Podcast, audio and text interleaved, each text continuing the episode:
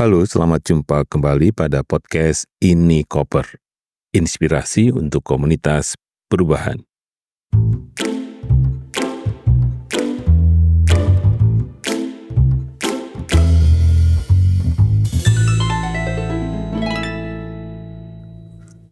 Ya, saya Dani Wahyu Menggoro dari Inspirasi Tanpa Batas.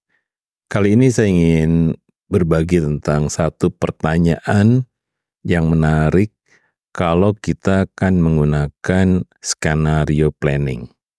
Skenario planning seperti kawan-kawan ketahui adalah satu cara untuk bisa melakukan eksplanasi ya tentang masa depan.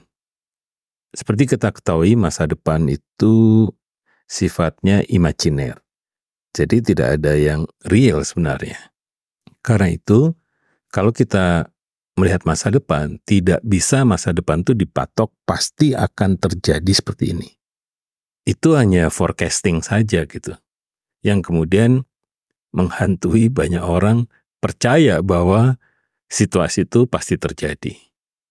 Mirip kejadian saat ini kalau kita melihat politik nasional, terpilihnya Prabowo sebagai presiden menurut quick count tentu banyak menimbulkan kontroversi. Begitu juga kalau kita baca berita-berita di media luar negeri, itu selalu menyatakan bahwa Prabowo terpilih menjadi presiden sesuai dengan hasil quick count. Tetapi selalu diakhiri dengan bahwa presiden TikTok ini itu memiliki masa lalu yang dark, gelap. Karena itu kalau bagi kawan-kawan yang generasi baby boomers atau X gitu ya, bisa jadi memang mendiskusikan apa yang akan terjadi bila Prabowo menjadi presiden.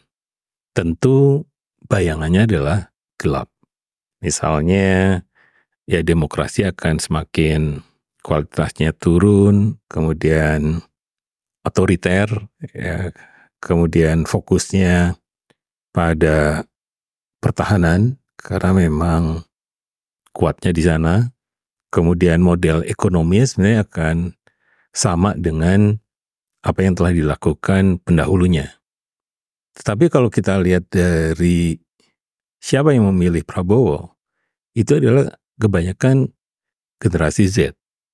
Yang mereka sebenarnya tidak peduli atau tidak tahu tentang masa lalu. Dan masa lalu bukan hal yang penting bagi mereka karena mereka tidak pernah merasakan atau melihat, ya paling tidak hanya mendengar. Mendengar juga tidak akan pernah utuh gitu. Karena itu di sini kelihatan sekali ya, kalau kita hanya lihat Prabowo saja ya tadi ada dua dua kutub melihat masa depan di dalam kepresidenan Prabowo gitu.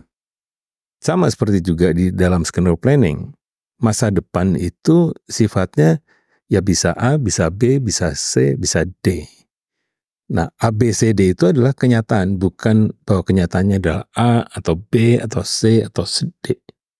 Karena mereka adalah sesuatu yang bisa terjadi, maka di dalam pengembangan skenario planning itu ada tahapan yang disebut membuat metafora.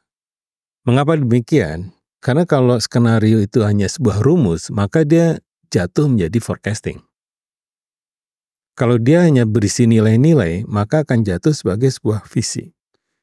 Padahal Skenario planning sebenarnya membantu kita untuk memperlebar cakrawala kita melihat masa depan. Jadi masa depan itu dipandang sebagai sebuah horizon. Nah, ketika setiap skenario itu sudah bisa dibangun, bukan berarti narasi itu sudah logis dan sesuai dengan apa yang kita bayangkan. Tetapi bisa jadi apa yang dimaksud dalam skenario planning adalah bagaimana kita menjelaskan hal-hal yang logis itu atau hal-hal yang sebenarnya kita tidak ketahui tadi. Nah ini penting juga ya ditekankan bahwa di dalam pembahasan skenario planning, selain skenario planning itu bukan sebuah prediksi, bukan roadmap, bukan strategi, Tetapi di skenario planning sebenarnya membicarakan sesuatu yang kita tidak tahu. Itulah yang disebut dengan apa yang kita sebut sebagai uncertainty atau unknown, sesuatu yang kita tidak tahu. Justru hal yang kita tidak ketahui itulah kita bangun ceritanya.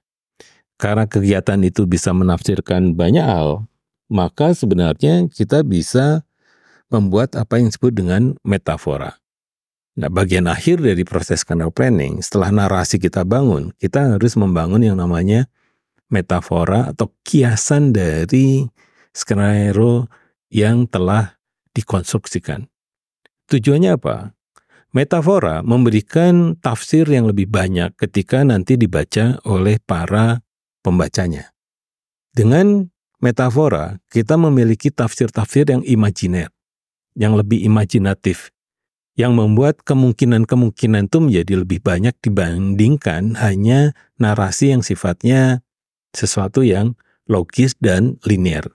Jadi di metafora inilah yang menyebabkan skenario planning dianggap sebagai sebuah proses perencanaan yang sifatnya sebenarnya adalah unlinear. Jadi di sini kita bisa memilih metafora metafora yang bisa diambil dari apa pun. Karena sifatnya metafora ya. Bisa dari tumbuhan, dari bunga, dari hutan, dari sungai, dari lautan, dari bumi, dari alam semesta. Bahkan tim saya ya yang yang sedang akan bekerja mengembangkan hero planning telah memilih metaforanya adalah dari film. Jadi dari sebuah film dengan judul-judul film dan sinopsisnya itu bisa membantu kita membuat kiasan dari skenario yang kita bangun. Mengapa ini penting? Karena satu, skenario planning akhirnya harus dikomunikasikan. Pada saat dikomunikasikan, bagi orang yang tidak terlibat di dalam skenario planning tentu bertanya-tanya, bagaimana mereka bisa muncul pemikiran seperti ini? Nah, metafora membantu semua orang bisa menafsirkan apa pun sesuai dengan imajinasinya mirip kita melihat sebuah lukisan. Di sana tidak ada satu tafsir, tapi bisa membangkitkan tafsir-tafsir yang baru saat diberikan konteks dan pengalaman para pembaca atau pendengarnya. Jadi itu yang penting di dalam skenario planning adalah membangun apa yang disebut dengan metafora atau kiasan. Demikian ini koper kali ini, sampai jumpa pada ini koper berikutnya.